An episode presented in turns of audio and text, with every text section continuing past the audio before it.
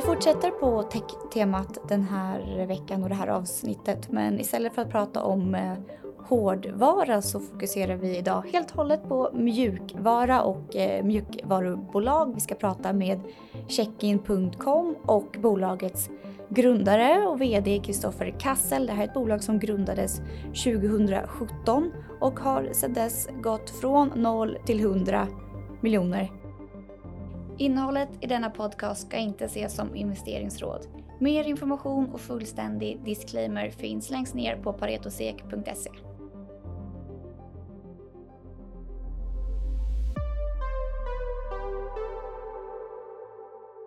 Varmt välkommen Kristoffer. Tack så mycket. Tack. Ni grundades ju då 2017 av dig och din kompanjon. Hur väcktes den här idén?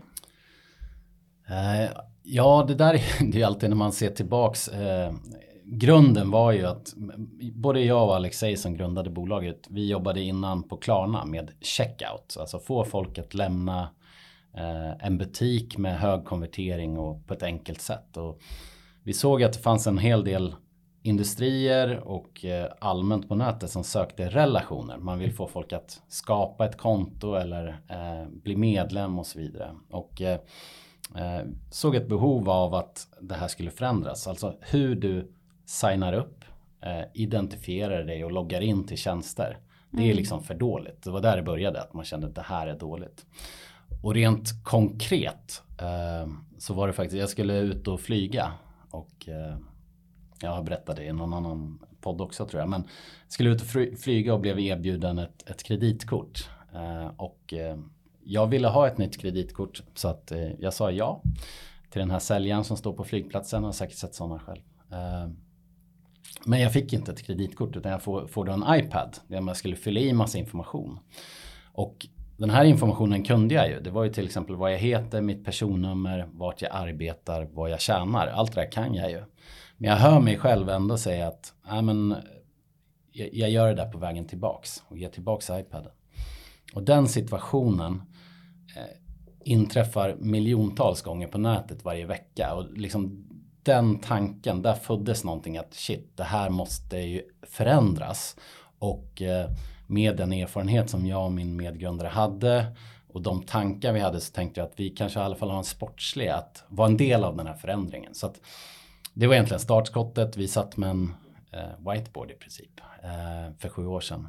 Mm. Eh, och sen dess har vi byggt på vår SAS-mjukvara. Det är såklart har hänt mycket sen dess. Och eh, egentligen varje vecka händer det nya saker. Mm. Så själva er produkt är att man ska kunna signa upp sig på ett lätt sätt? Ja, vi säljer en SAS-mjukvara som andra bolag eh, använder för att signa upp och identifiera sina slutanvändare. Och det, våra, eller våra kunder är framförallt bolag i reglerade sektorer. Fintech eller resesegmentet är stort för oss eller eh, iGaming har historiskt varit ett stort segment för oss. Eh, där man måste veta ganska mycket om kunden. Man måste säkerställa vem slutanvändaren är. Men också nästan alltid så har våra kunder verksamhet i många länder. Om du är aktiv i 50-60 länder så är det ganska lurigt att hålla koll på hur gör man det här på bästa sätt. Så det, då använder de vår mjukvara vilket gör det lättare för dem och lättare för deras eh, slutanvändare. Mm. Och eh, sen den där dagen på flygplatsen så har det ju gått eh, väldigt bra för er. Ni släppte ju först och främst en bra Q2-rapport i år.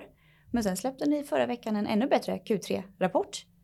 Ja, tack. Tack. Och vi ska prata mer om den rapporten och hur ni hamnade där. För i somras så nådde ni en viktig milstolpe. Ni nådde 100 miljoner i intäkter på årsbasis. Mm. Vi ska komma hur man, eh, hur man kommer från en idé på en flygplats till hur man når den omsättningen. Vilket år var det du stod på flygplatsen där? Ja men det var där i, i början på 2017 eh, och eh, ja, men som du säger det har gått otroligt fort när man kollar tillbaks. Samtidigt för mig så känns det på något sätt som ett helt, som ett helt liv så ja. det är lite blandad känsla. Men, men vi har haft väldigt tur att få in från början bra folk, duktiga utvecklare, duktiga produktpersoner, egentligen hela bolaget eh, som har gjort att vi har kunnat leverera en bra mjukvara som liksom kunder har uppskattat från mm. början. Och vi har ju liksom nyckeln till att nå de här 100 miljonerna som vi slog i, i somras som var en viktig milstolpe och nu i, i september så överskred vi 125 miljoner så vi har haft en väldigt liksom, fortsatt tillväxt från det. Eh, jag tror nyckeln att förstå det, det är att vi har växt med de kunder vi har. Att de kunder vi har fortsätter att använda mjukvaran och utökar sin användning. Eh, och det, det ger ju en effektiv tillväxt och det får vi tack vare att mjukvaran fungerar. Mm. Det låter ju så enkelt när du beskriver det men det är ju inte enkelt att starta bolag. Det är inte enkelt att driva en startup. Jag tycker vi ska fokusera lite på själva starten där för det är väldigt intressant. Jag tror att många har den här drömmen om att faktiskt skapa någonting och driva sitt egna bolag ja. som du faktiskt har gjort. Hade du något annat jobb vid den här tiden? Ja, jag, jag slutade i, i, den här vevan på Klarna då. Det var innan VP Product. Eh, så jag hade jobbat med lite liknande saker mm. tidigare. Men var planet sätt. hela tiden så här, nu vill jag driva någonting eget, nu ska jag hålla ögonen öppna och hitta idéer som jag kan faktiskt göra någonting av? Eller var det mest att du hittade den här luckan och ja. valde att gå vidare? Eller hur, hur ja, nej, men Det är en bra fråga. Jag tror jag alltid har känt att jag skulle vilja göra något på ett eget sätt. Eh, och eh, jag har ju på något sätt jobbat inom startups och eh, liksom teknikbolag både i Sverige och i Europa innan. Sen var det här ett område där jag såg det är väldigt intressant, det här kommer att förändras. Eh, men också att man själv har någon sorts erfarenhet och kunskap i det området. Eh, så det var liksom bakgrunden. Sen, sen tror jag för mig, så här, framförallt i efterskott, så tror jag man ofta kraftigt överskattar själva idén. Vår idé var ju bara, det måste bli lättare att bli kund. Det är för mäckigt. Det var typ idén. Eh, och sen är liksom genomförandet 99 procent. Eh, så att vi har väl försökt sen egentligen första veckan, första månaden när vi började att fokusera på genomförandet. Mm. Vad kan vi göra? Och vad är det första man ska göra? Ja, vi till exempel valde ju att inte ha någon affärsplan egentligen. Vi valde att inte ha några, vi har inte gjort en presentation sen vi startade bolaget tror jag. Eh, knappt. Eh, utan istället fokusera på vad kan vi göra den här veckan. Eh, så första veckan så var det väl egentligen okej okay, vi behöver anställa en utvecklare. Minst en. Vi börjar där, tar in den första. Och, hade... vad hade ni pengar för dem då? Hur kunde ni betala dens lön? Ja exakt. Eh, vi hade eh, dels egna, eller framförallt egna pengar. Men eh, i början. Sen tog vi in ganska tidigt externt kapital. Eh, men vi har tagit in små summor. Jag tror att de här första åren, alltså det handlade om kanske en miljon eller två miljoner och sånt där. Eh, och, för att då leverera liksom nästa milstolpe och komma vidare. Men det vi framförallt gjorde som jag, som jag hade som jag tycker vi hade tur att vi valde den vägen, det var att vi snabbt gick ut och pratade med potentiella kunder vi sålde egentligen något vi knappt hade. Eh, så att vi hade kunder innan mjukvaran var färdigbyggd. Mm. Eh, och så har vi försökt fortsätta, det vill säga att det är ganska farligt om man sitter på sin kammare och funderar vad man tror skulle kunna fungera. Det är mycket mm. lättare att gå ut, prata, se vad det finns några riktiga behov eh, och lösa dem eh, på, på, ett bra sätt. Ehm, så att vi har varit ganska på det sättet praktiskt inriktade. Sen har vi haft otrolig tur såklart som jag sa. Både få in bra folk och bra kunder och, och stora kunder som vi har kunnat växa med. Mm. Och eh, jag har ju intervjuat dig en gång innan och då pratade vi mycket om att ni jobbar remote, att ni mm. har anställda över hela världen. Har det hjälpt till också att ni var ganska snabba på att ta in folk och ta in utvecklare och de behövde liksom inte sitta på ett kontor. För att det mm. blir också en begränsning att man måste ha kontor, man måste ha kontorsplatser, man måste betala hyra till det. Ja, jo men absolut. Det, det, är klart det har hjälpt. Nu, nu är det ju många bolag som är remote. Men vi började så från början och det var egentligen en slump för att vi fick ansökande som, som satt i, en, en satt i Polen, vår första utvecklare, nästa utvecklare satt i Marocko. Eh, och eh, de var väldigt, väldigt duktiga och vi ville få in dem. Så då valde vi att säga att man kan sitta vart man vill så att säga. Eh, och det tror jag har hjälpt. Det, det ger ju att man får en större talangpool att rekrytera från. Och sen som du säger sådana här praktiska saker som kontor och så, självklart, det går snabbare att skala upp. Mm. Så det tycker jag har varit, det har varit super och det är egentligen mycket av sådana beslut har ju varit att vi har försökt gå vår egen väg på något sätt och saker har nästan typ slumpmässigt utvecklats på det sättet. Det var inte så att innan vi startade att vi hade en liksom, tydlig bild av att vi ska driva det här bolaget som ett remote-bolag. Utan det har liksom blivit så för att det har varit det som har eh, funkat bäst eh, mm. rent praktiskt. Så ni eh, började anställa utvecklare, ni började prata med kunder. Vilken var första kunden ni signade? Eh, Eller minns du när ni ja, fick en första betalande kund? Ja, absolut. Det, det, minns man, eh, det minns man. Men det jag minns kanske allra tydligast, det var inte ens betalande kund. Utan det var att jag, jag skrev på LinkedIn att eh, vi håller på att bygga den här mjukvaran. Jag, vi har startat det här bolaget. Och fick då ett meddelande från, från en kille som eh, jobbade på den tiden på iSettle. Som jag, jag kände inte honom. Det var liksom ingen direkt i mitt nätverk. Utan som sa att bygger ni det där så skulle vi vara intresserade av att prata mer och eventuellt testa mjukvaran.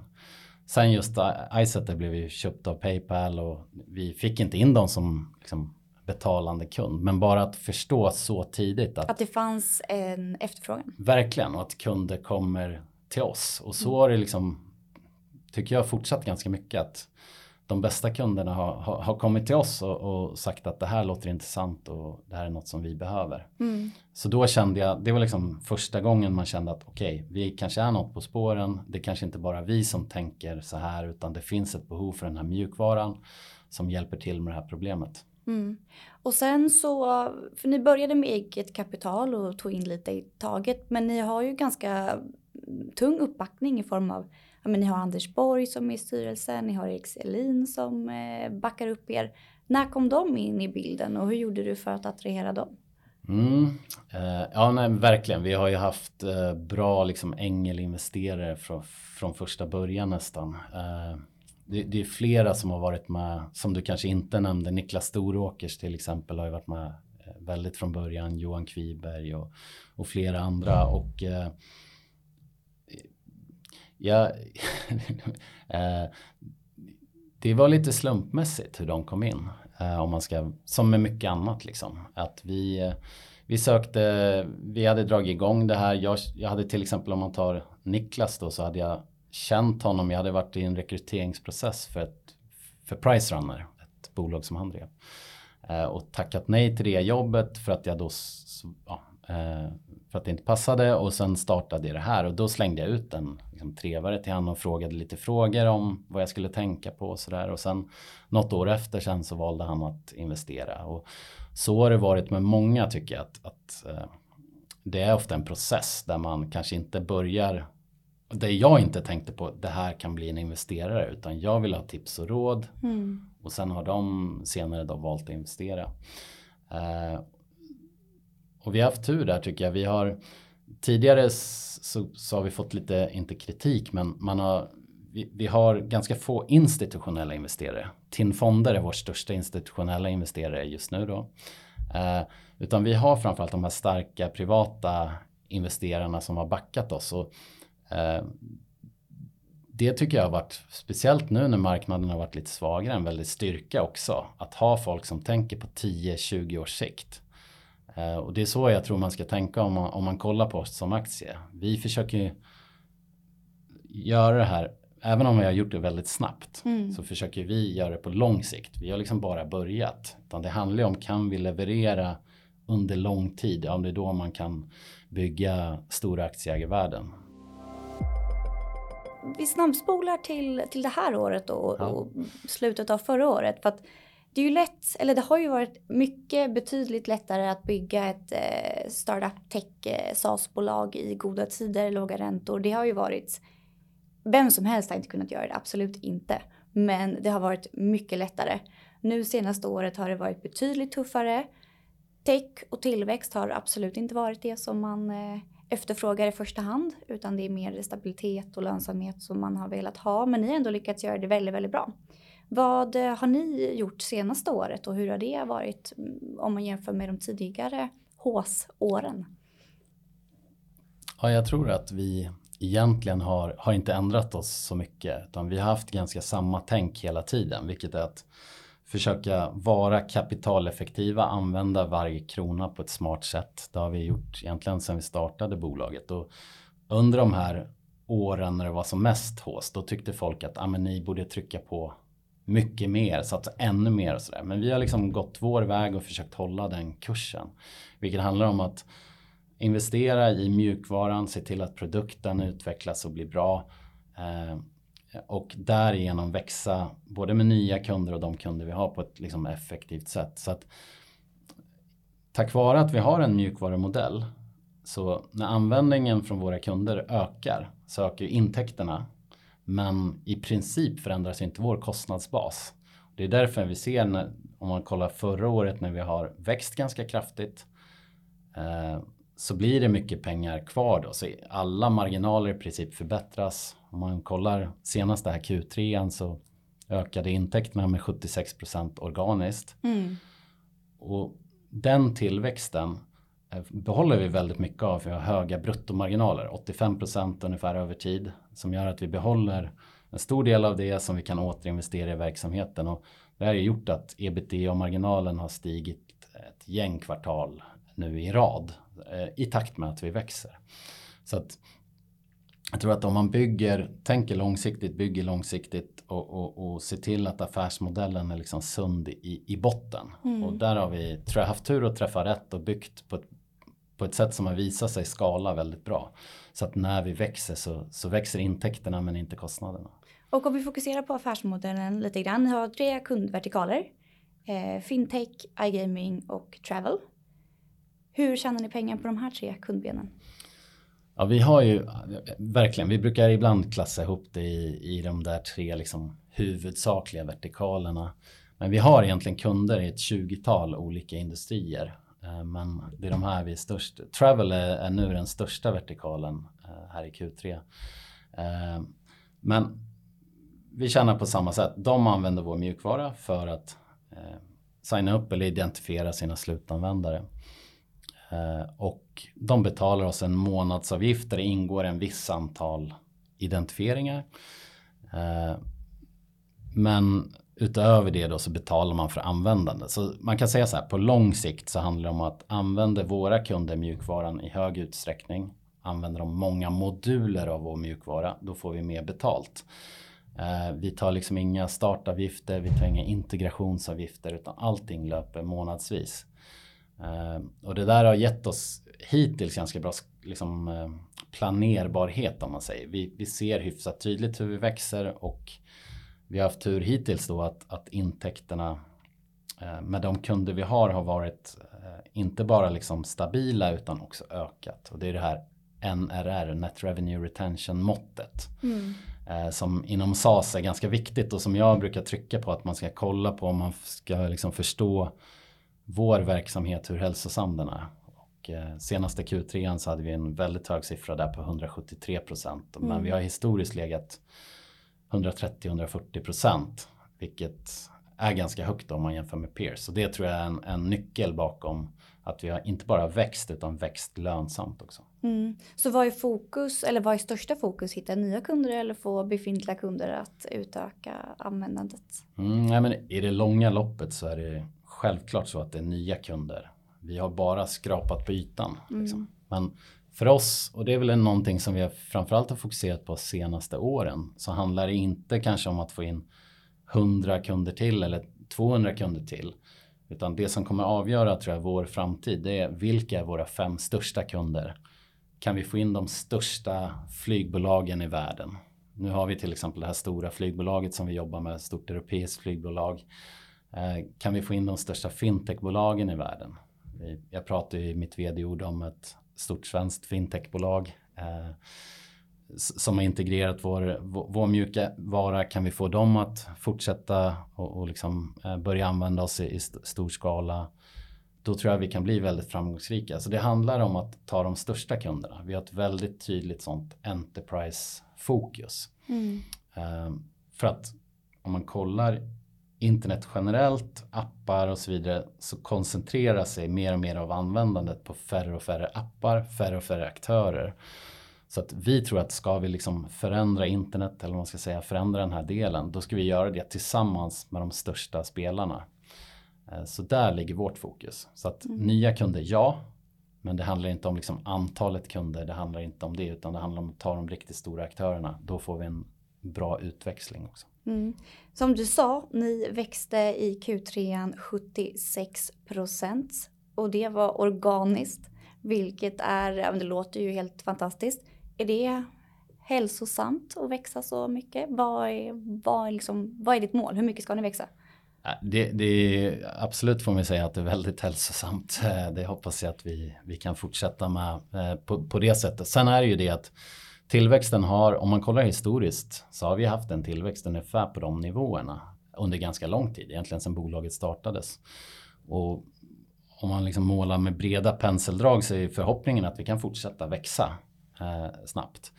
Samtidigt så vill vi göra det med lönsamhet och med eh, genom att skapa värde för oss aktieägare.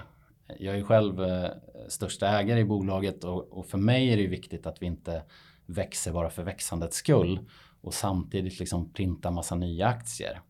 Utan att vi gör det här kapitaleffektivt så att man skapar värde eh, för aktieägarna som vi har idag och liksom ja, per aktie. Och därför har vi satt ett nytt finansiellt mål eh, som är då att vi ska maximera tillväxten per aktie plus ebitda-marginalen. Vi lägger ihop de två måtten och då får vi en siffra och det, den ska vi maximera och vi har sagt att över tid att vi bör ligga över 80% Så det innebär ju att vi till exempel kan växa 80% per aktie eh, och ha noll ebitda-marginal eller ha 80% ebitda-marginal och noll tillväxt teoretiskt. Men mm. såklart är det en blandning av det här vi ser. Och just i Q3 så, så hade vi 70% tillväxt per aktie och 36% ebitda-marginal så att vi låg på 106% Men alla sådana här typer av mått måste man ju se över tid. Mm. Eh, det tror jag är viktigt och, och när man säger tillväxt, den tillväxten vi har fått det här kvartalet har vi lagt grunden till många kvartal tidigare. Genom att vi har bearbetat eh, i det här fallet resesektorn, den här stora kunden vi har, utökat användningen med dem.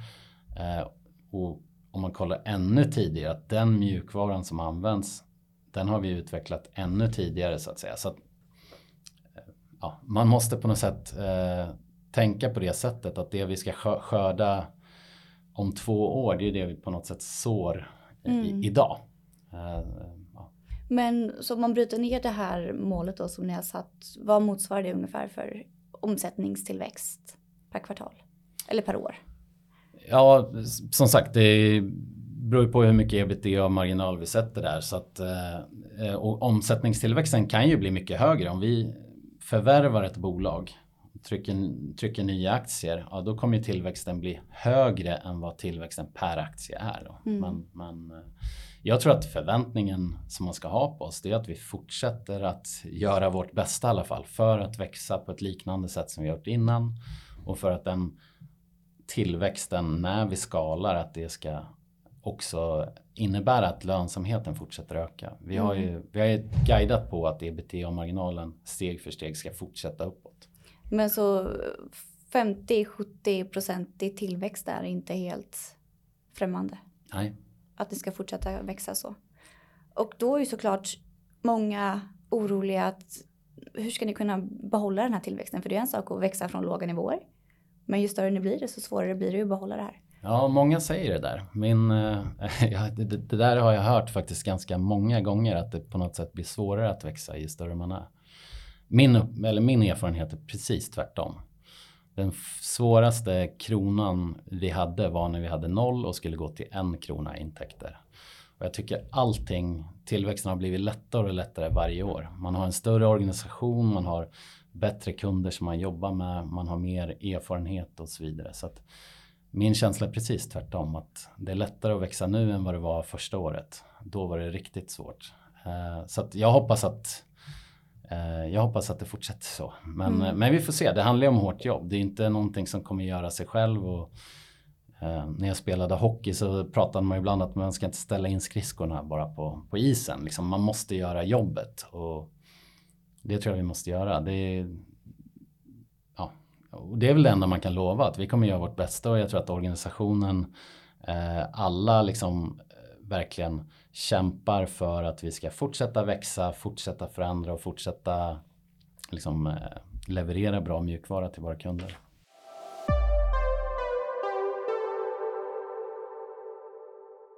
Om vi avrundar med att prata lite mer om er organisation så vi sa ju tidigare att ni är, eh, jobbar remote. Ja. Gör ni fortfarande det helt och hållet? Absolut. Ja. Jag vet också att ni har en eh, för- förbud mot att mejla internt. Ja, Är det fortfarande så? absolut, absolut. Nej, men vi har mycket sådana, eller som, man tänker inte på det eftersom vi jobbar så dagligen, men som kanske låter udda för andra. Men eh, det är väldigt skönt att slippa ha massa mail internt. Vi använder bara Slack och har gjort det från början. Eh, En annan sån sak är att vi försöker att inte jobba på fredagar överhuvudtaget. Vi har det som en buffertdag kan man säga. Eh, Och det är ju också funkat superbra. Det gör att man får 50% längre helg om, man, om man kämpar på under veckan. Och det gör också att man sällan startar en måndag utan att saker blev avslutade. För att du har alltid den där buffertdagen. Så att om någon i organisationen ska slutföra något ena veckan så kommer man på måndag har inte slutfört det. Då är ju frågan såklart, okej, jobbade du förra fredagen då eftersom vi har det som buffertdag? Så att det gör att produktiviteten tycker vi ökar. Trots att det teoretiskt sett borde, det är en femtedel av veckan som försvinner, 20%. Så vår känsla är att vi har ökat eh, produktiviteten, alltså att vi totalt sett får ut mer och att vi jobbar mer effektivt, mer sammanhållet i veckan. Det låter lite som Netflix-modellen lite grann. Säkert. Jag, Ja. jag har faktiskt dålig koll på, på vad andra gör. Hur är det med semester då? Måste man ta mycket semester? Eh, nej, det, nu får jag passa mig vad man säger. Rent formellt måste man nog göra det, kanske enligt några regler. Men det, där så anpassar ju folk sig efter vad som går att ta. Eh, och eh, eftersom vi är ett B2B-bolag så våra kunder tar ju också semester ibland. På sommaren framförallt. Så det brukar gå ganska bra att plocka ut semester. Men, eh, men jag är inte säker på om alla plockar ut sex veckor direkt. Nej. Vad- vem är drömkunden? Eh, Jag tycker vi nästan har fått in en av våra drömkunder i och med det här svenska fintechbolaget som verkligen eh, har varit en inspiration och som bygger produkter i världsklass och, och som liksom är tech native. Men eh, om man ska se utöver det så är det väl de absolut största internet, liksom drakarna, amerikanska framförallt, eller kinesiska. Typ TikTok, Instagram och så vidare. Eh, Den typ, eller Twitter. eh, Den typen av kunder skulle vara superkul att jobba med. Eh, Men sen handlar det om att bara fortsätta där vi är. Det vill säga få in fler stora flygbolag, få, få in fler fintechbolag och, och eh, fortsätta att, att, att växa i, i fler och fler sektorer som använder vår mjukvara. Mm, förra avsnittet så pratade jag med Yubico. Mm. De har ju börjat lite tvärtom. Att de fick ju sina första kunder, de här stora Microsoft, Amazon, Google och nu ska de leta sig tillbaka mot, mot Sverige och Europa. Hur är era drömmar om man tittar över Atlanten? Ja, Nordamerika är fortfarande för oss ganska mycket ett vitt papper. Eh, Vi tror att det finns en väldigt, väldigt potential där som ligger framför oss. Som jag sa, de kanske största bolagen på nätet är baserade där. Vi har en säljare, Ludde, som, som bearbetar den marknaden. Och eh, vi tror att vi, vi kommer att, eh, att det kommer att bli en stor marknad för oss framöver. M- Men det som man har sett också det är att det är ganska lätt att eh, trycka för mycket på gasen där. Lägga väldigt mycket pengar och få ut lite intäkter. Så att, lite som vi har byggt bolaget stort. Vi, vi testar steg för steg. Så nu handlar det om att, att liksom få första säljaren att, att leverera och finansiera sig själv på något sätt. Och sen utöka säljorganisationen steg för steg. Och förhoppningsvis får vi några fina nordamerikanska kunder här framöver. Mm. Kristoffer, du känns som en väldigt ödmjuk vd och tar det steg för steg. Du testar det fram. Vad har, vad, hur skulle du bedöma att era chanser är där borta? Hur ser konkurrensen ut och vad, vad har ni att komma med? Eh, jag tror att vi har jättebra möjligheter på samma, eller på lika stora möjligheter som vi hade här i Europa eller har här i Europa. Det är ingen skillnad. Mjukvaran är global på det sättet. Problemen är i stora delar globala. Att förstå vem är på andra sidan skärmen, det är liksom ett, ett av internets huvudproblem just nu.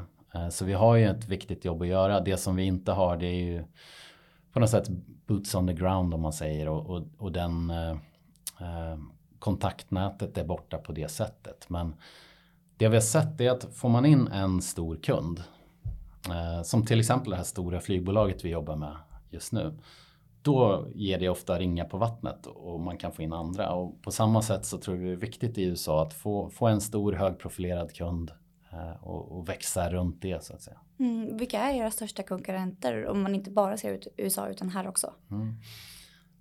Vi, oftast när vi, när vi är i säljprocesser så hamnar vi mot att bygga saker inhouse kan man säga. Mm. Det är mm. liksom grundkonkurrensen. Vi, är, vi har tagit ett brett grepp så vår mjukvara hanterar allting från att du säger att jag vill bli kund tills att du är uppsignad, identifierad, inloggad. Den bredden har vi egentligen ingen, ingen riktig konkurrens på, den breda lösningen. Sen inom vissa moduler, framförallt då biometri, ansiktsigenkänning som en stor del av det vi gör och där, där vi investerar mycket.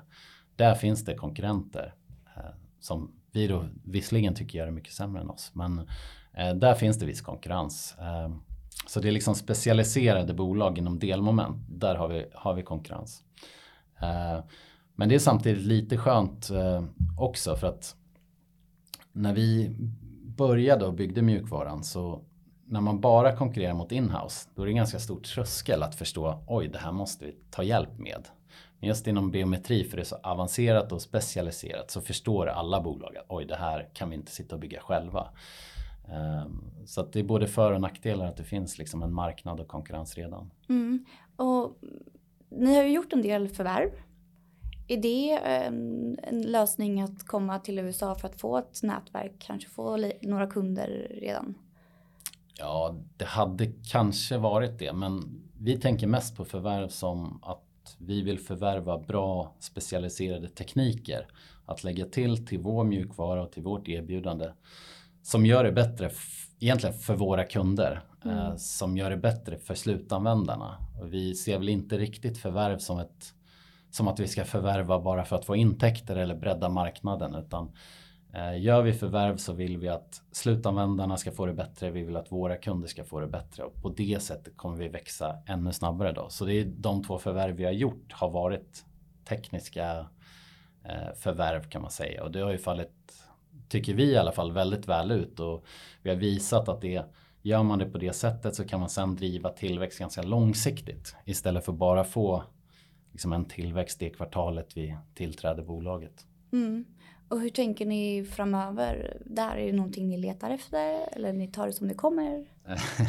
ja, nej, vi jobbar ganska, eller väldigt aktivt både jag och eh, vår CFO Martin med förvärv och nu var det nästan två år sedan vi tryckte på knappen senast så att det där är ju lite trist. Man kan liksom inte prata om alla de förvärv som var nära eller som vi valde att avstå från. Eh, men det är absolut att vi har fortfarande en tydlig förvärvsagenda. Vi vet att det finns bra teknik och objekt där ute. Sen såklart marknaden och sådär med finansiering. Man måste se till att allt det löser sig och eh, vi vill se till att liksom vårt tredje förvärv blir lika framgångsrikt som, som de två första. Så att vi känner väl att, att kraven har skruvats upp på det sättet. Men eh, vi hoppas på att eh, få komma tillbaka och, och, och, genomföra något förvärv här framöver, absolut. Mm. Vad, nu ska du inte ge några prognoser så, men vad, vad, tror du om 2023? Hur slutar året och vad blir liksom första sak på agendan med 2024? Eh, nej, men vi hoppas väl på att avsluta året eh, starkt. Vi tycker att eh, Q3 här var fin och, och liksom en bra känsla. Så det är kul att avsluta Q3. Sen exakt vilken nivå vi hamnar på, det, det kommer jag inte prata, prata om här.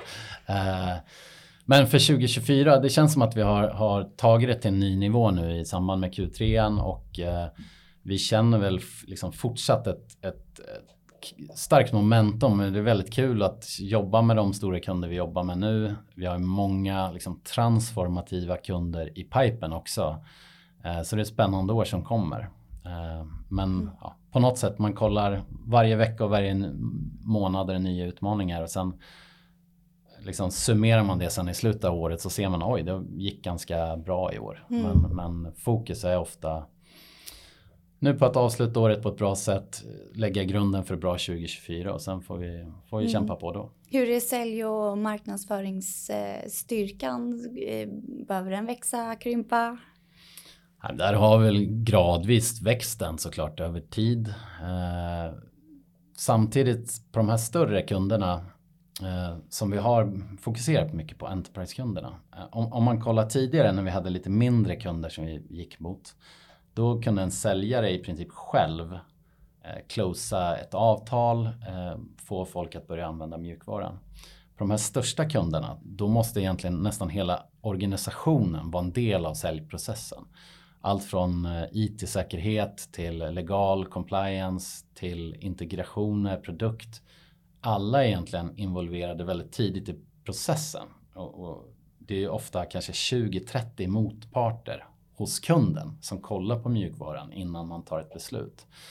Eh, så på det sättet har liksom säljorganisationen kanske inte har växt på det sättet men en större del av vår organisation är involverad i sälj och det tror jag kommer vara nyckeln att vi kan få med oss hela organisationen eh, bli duktig på att, eh, att jobba mot de här största kunderna.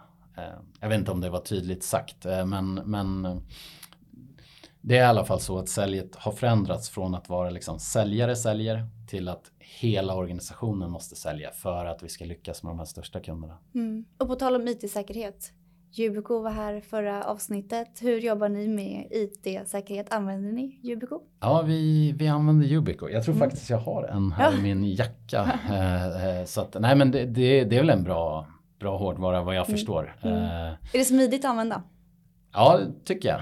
Uh, ja, det är ju framförallt att man har ett sånt här liksom vad ska man säga, rotaccesser och de huvudsakliga accesserna. Men, men, nej, men det, det funkar bra. Uh,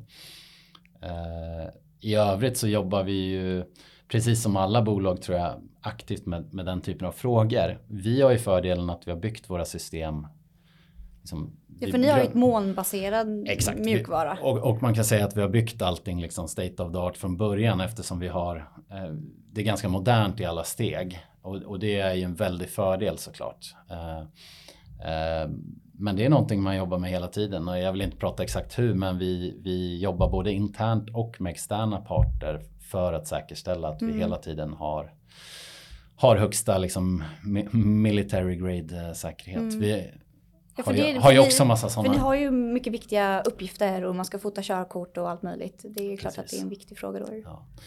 ja, och sen det är också viktigt mot kunderna. Vi har ju ISO-certifiering till exempel kring säkerhetsarbete mm. och sådär. Men, men det är ju en fråga som kunderna man måste vara helt perfekt på den, den typen av frågor. Man kan liksom bara göra bort sig.